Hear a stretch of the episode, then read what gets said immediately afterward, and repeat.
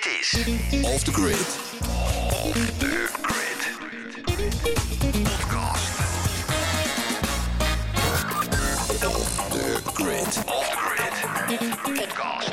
Met deze week Nummer 5 van Off the Grid. Leuk dat je luistert. Eh, Je bent waarschijnlijk ook thuis, zoals wij ook, hè Dirk? Want jij bent in. Thuisquarantaine in Nijmegen. Ja, klopt. Ja, ik zit in Gorkum hier. En ehm, we hebben twee eh, belangrijke thema's deze podcast. Eh, kun je iets vertellen? Ja, eh, corona kan natuurlijk niet ontbreken in deze podcast. Daar gaan we wat over vertellen. En natuurlijk de eh, FCE Lustrum Dag, waar jij bij was, Pieter Jan. podcast. Podcast. Met Van Wijngaarden en Van der Pol. Pieter Jan en Dirk. Off the Grid. In de wandelgangen. De wandelgangen. Ja, welke wandelgangen begeef jij, eh, Dirk? Nou, de wandelgangen van huis eh, in thuisquarantaine, maar, maar dan echt thuisquarantaine. Ja, jij hebt, eh, jij hebt ja. echt het eh, coronavirus opgelopen. Ja, eh, althans, eh, dus mijn vriendin is eh, positief getest. En ehm, nou ja, wij waren een beetje skiën met familie in huis. Dus eh, eh, eh, dat betekent ook dat ik wel eruit kan afleiden, ook gezien de klachten die ik heb, eh, dat ik het over heb. Ja. Dus eh, ja, vreemde gewaarwording, rare tijden, Pieter. Ja, en hoe is dat? Eh, ben je nou echt eh, ontzettend ziek? Of hoe eh, gaat het met ups en Nou, downs? Het gaat goed over het algemeen. Dus ik heb met name de afgelopen weekend was ik niet erg lekker. Eh, wel wat last gehad van koorts en rillingen en hoesten en last van mijn keel. En nu heb ik nog wat lichte klachten, dus het valt mee. Alleen het heeft, een, ja, wat ik begrepen heb, een onvoorspelbaar verloop. Dus eh, het is ook even afwachten. En in principe als we door eh, de tien dagen heen komen of zo, nou, dan heb ik goede hoop dat we er goed van afkomen. Ja. Dus eh, ja, het is een beetje lastig inschatten. Dus we doen nu niet zoveel. We kunnen ook niet veel doen. Ehm, Af en toe een podcast en, opnemen, volgens mij. ja, dat is ook goed voor de afleiding. Want ja, stiekem, je wordt ook wel helemaal gek van alle updates over het coronavirus. En Ja. we hebben laatst een film gekeken, Contagion of zo. En eh, waarbij het dus letterlijk gaat over zoiets wat uitbreekt. Nou, dat was ook niet zo fijn om te zien. Nee, Bedachten we toen we het hadden gezien. Maar eh, ga maar beter James Bond kijken. ja, die heb ik ook heel veel gekeken. Ja, ja, ja. Die loopt tenminste altijd goed meest, eh, ja, ja de, de meest recente. Nou, de- dus de titel van de laatste is natuurlijk No Time to Die. Dat is ook wel van toepassing. Ja, Ehm, nou ja, maar goed. We, we, we hang in there en ehm, eh, ik geloof dat het wel goed komt. eh. ja, laten we het hopen. Dan zijn Nou. we de eerste immune mensen. ja. Precies. Nou, dat- dan zorg je weer, eh, draag jij bij aan onze groepsimmuniteit, hè? Ja, precies. Ja, toch nog wat goeds voor de wereld. Want ja, binnen zitten en koffie drinken en eten, dat is ook een beetje... Nee, maar dat geldt voor mij ook, Dirk. Ik zit binnen met, met vier kinderen en we geven een beetje thuisonderwijs. En eh, Ja. in de verloren uurtjes neem ik inderdaad ook een podcast op en daar is het, eh, daar is het ook mee gebeurd dan. ja, Ja. ja, ja, dat lijkt me ook wel lastig nu zo thuiswerken. Ja, ik was eh, gisteren nog op de Manibaan overigens, dus daar was het ook leeg. Of tenminste, Ja? ja? Lenneke was er en Tilly. En volgens mij Niels en Saskia waren nog aan het werk. En Alexander. En dat was het dan wel zo'n beetje. Dus nou, in ieder geval hebben we hebben genoeg ruimte om ons heen om de anderhalve meter social distance op te volgen. Ja, dat, dat, eh, dat dan sowieso. Maar hoe voelt het dan als je binnenstapt? Hoe, eh, hoe, hoe ervaar jij het? Ja, op zich ook wel. eh, ik vind het wel heel fijn om even ook een paar momenten gewoon even uit huis te zijn. Ik ben nog, Ja. nog niet ziek. Ik heb ook geen klachten, dus dan kan ik me ook vrij bewegen. Ja. Met alle zeg maar inachtnemingen die erbij horen. En ik Mhm. merk dat ik het dan wel fijn vind om gewoon ook even ergens anders te zijn. Om even weer wat andere mensen te, te spreken. En eh, eh, van Ja. focus eh, zeg maar op mijn eigen werkplek komt niet altijd wat terecht op dit moment. Dus ik heb gisteren ook echt even wat werk nog kunnen doen. Dus dat was fijn. Oh, fijn. Nou, goed om te Ja. horen. Ik moest net even lachen omdat ik daar straks de thermometer ging halen bij vrienden van ons. En ik, ik was zo heel sneaky de auto ingeslopen en iedereen aan het ontwijken onderweg. En toen kwam ik daar dus aan.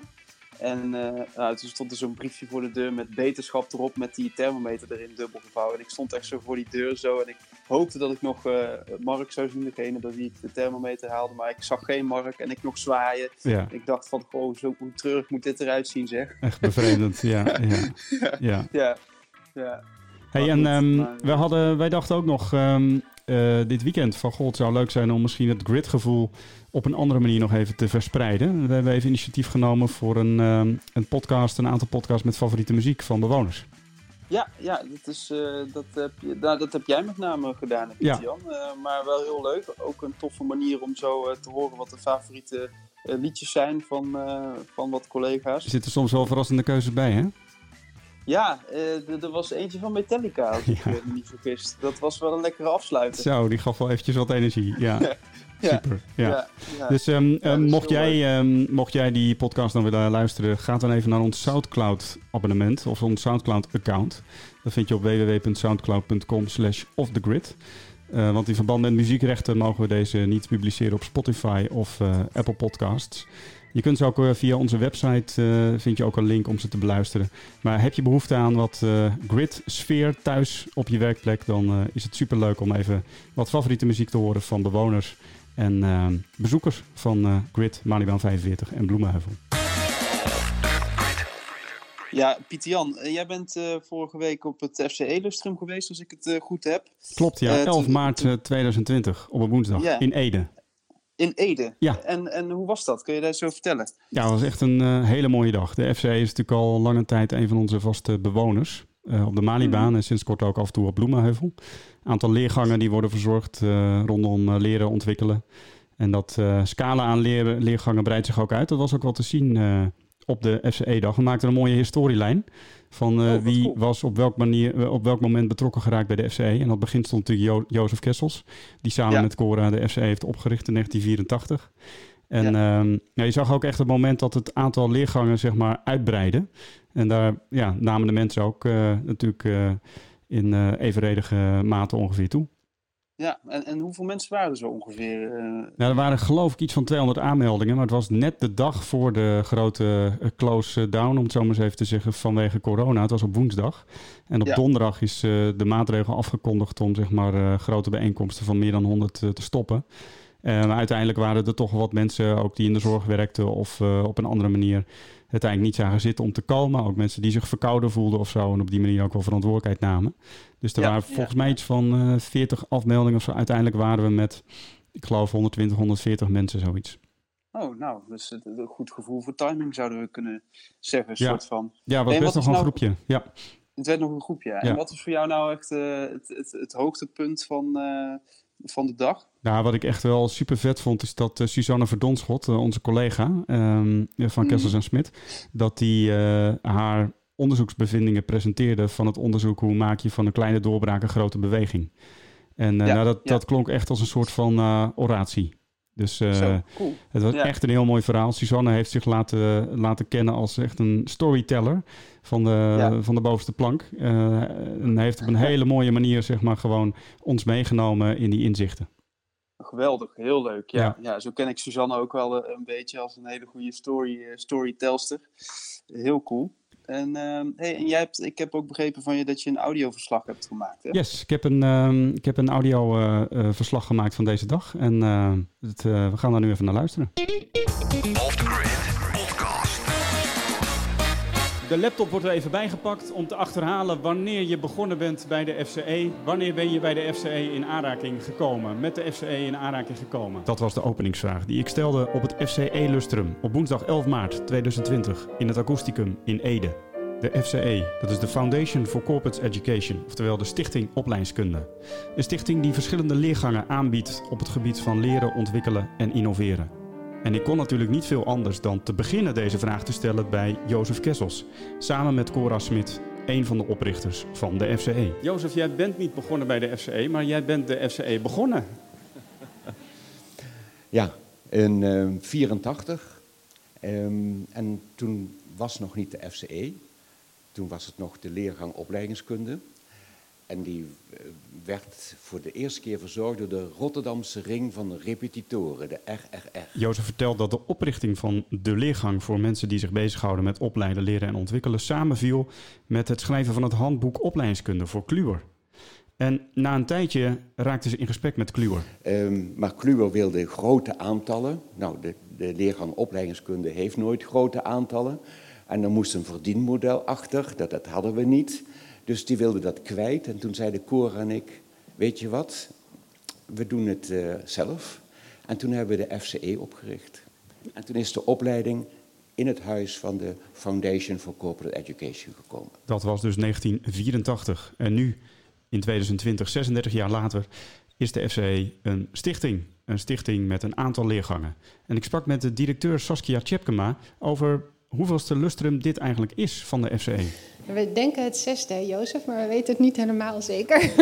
Vervolgens vroeg ik Saskia waarom deze dag is opgezet rondom het onderzoek Een kleine beweging groot maken van Suzanne Verdonschot. Een deel van uh, de identiteit van de FCE en van de opdracht van de stichting is uh, vakontwikkeling.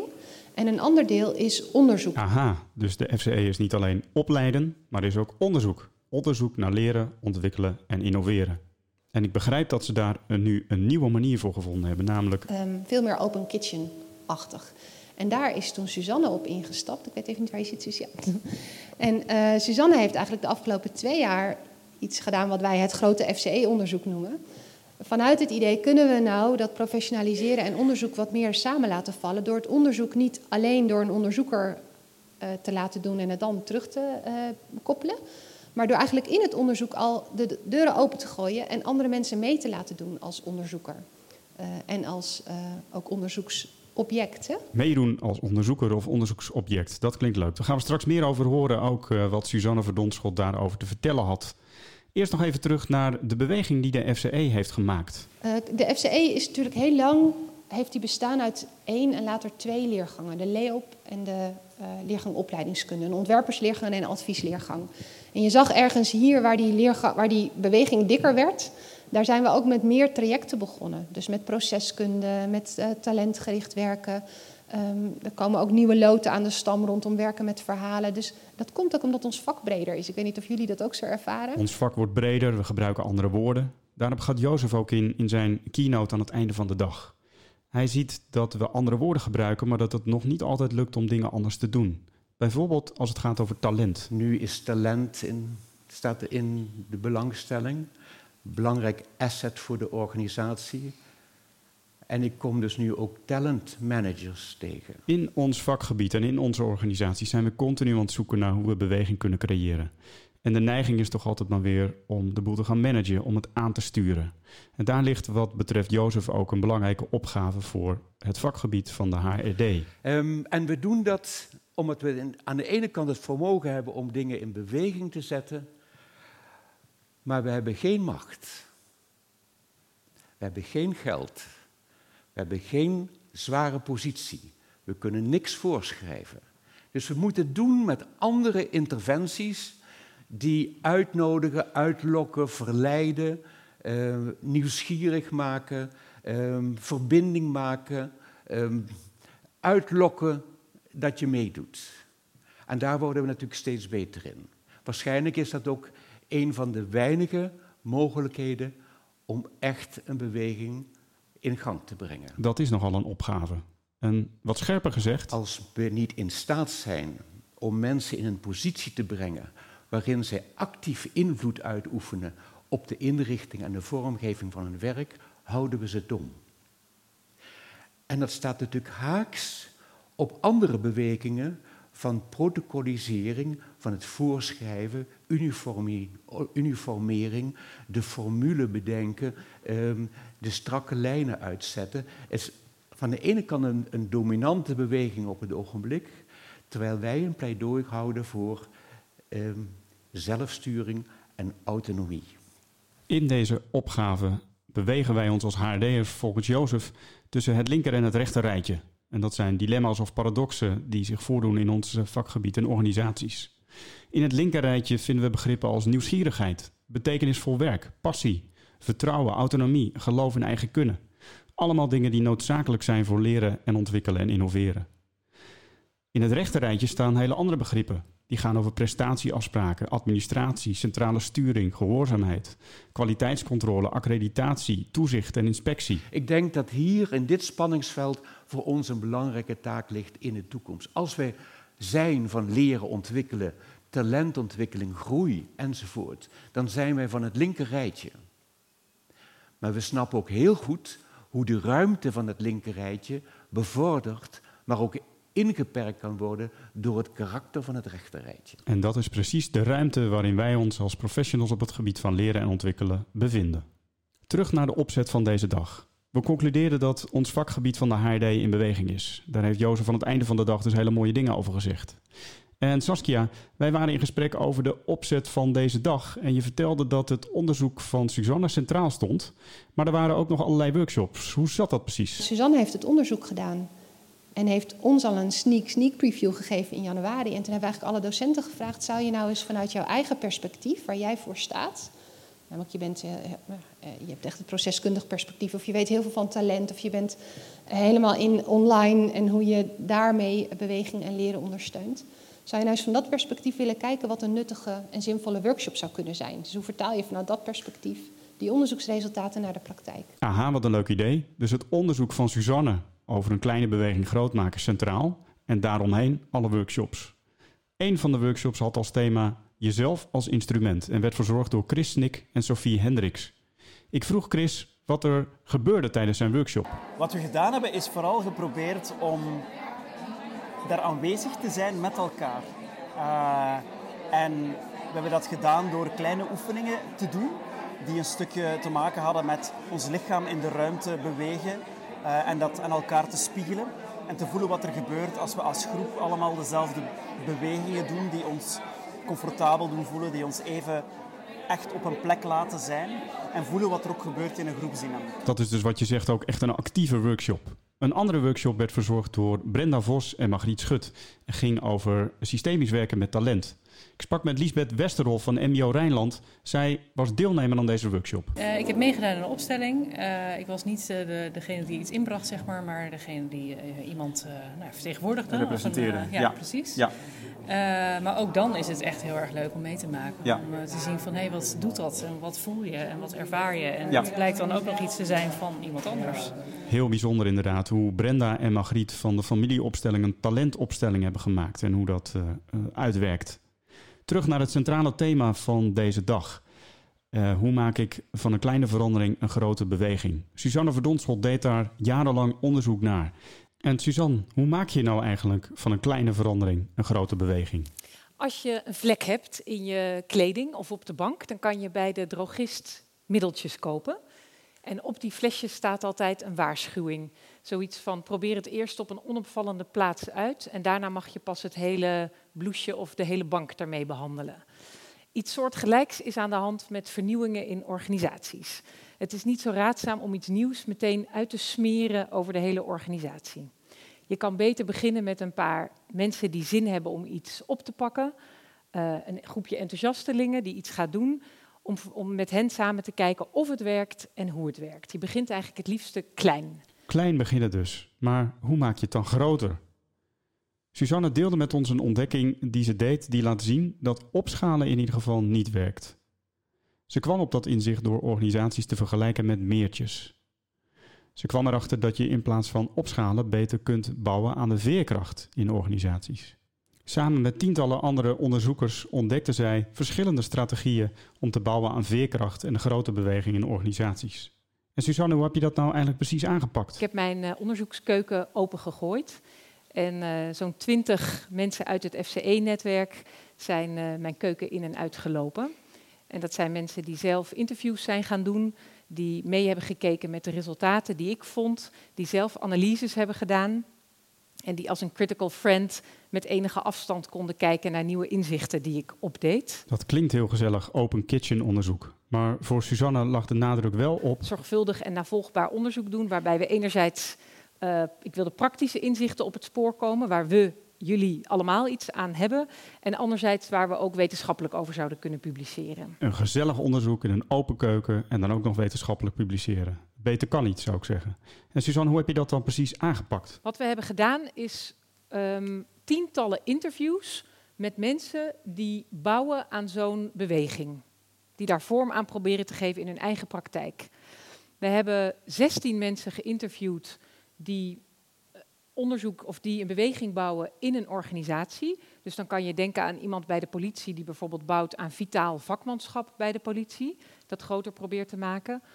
Uh, of je kunt denken aan iemand die werkt bij een, fabriek waar machines gemaakt worden en die erop uit is om meer kennis beschikbaar te maken voor operatoren en monteurs.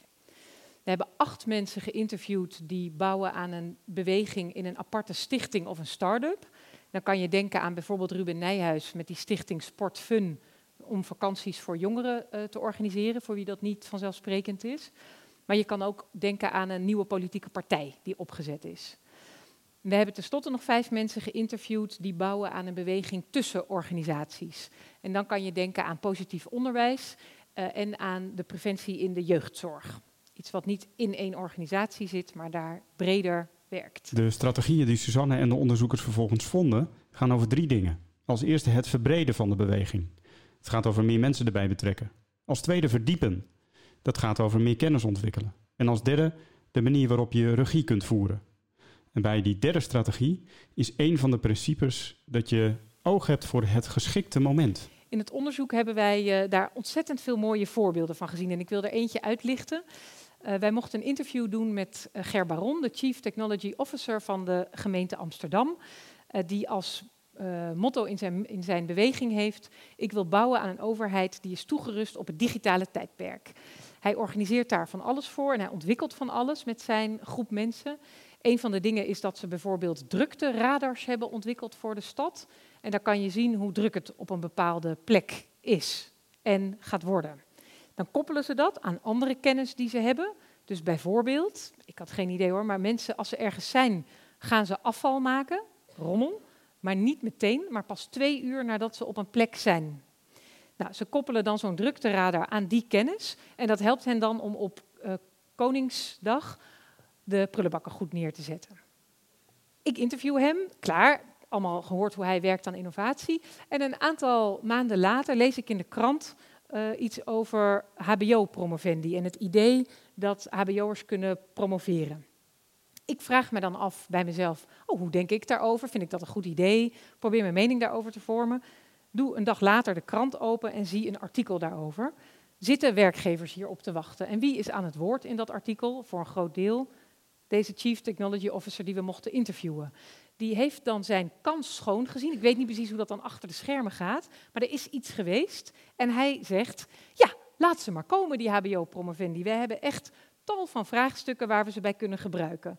Hoe moeten de laadpalen door de stad worden verspreid? Hoe gaan we om met de groeiende stroom pakketjes? Hoe verbeteren we de afvalscheiding? Hij heeft gewoon een podium midden in de NRC om zijn vraagstukken neer te zetten. Ik vind dat echt heel mooi. En ik geniet ervan om daar dan naar te kijken. En dat is het, hij weet daarmee het kairotische ogenblik te creëren, zou je kunnen zeggen. En oog hebben voor die gelegenheden en die benutten, dat is wat ons als bewegingmakers te doen staat. Super Suzanne, dank voor dit huiswerk voor ons als bewegingmakers. Mooie titel eigenlijk. En op die manier ook aandacht hebben voor het moment en daarop regie voeren. Aandacht, dat had ook Annette van de Aandachtsschenkerij. Zij schonk met aandacht kopjes thee voor de bezoekers van het lustrum. Je hebt heel veel, voor heel veel mensen kopjes thee ingeschonken, hè? Dat klopt. En dat noem jij dan kopjes aandacht? Kopjes aandacht, ja. Mensen kunnen bij mij terecht voor thee of uh, aandacht of een van de twee. Kijk eens aan, mooi. Ja. En uh, is je iets opgevallen deze dag? Uh... Nou, dat ik, ik heb leuke gesprekken gevoerd met open mensen.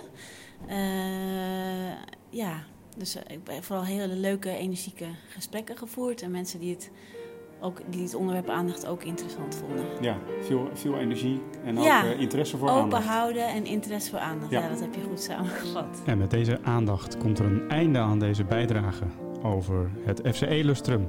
Op 11 maart 2020 in het Akoesticum in Ede. Terug naar jou, Dirk.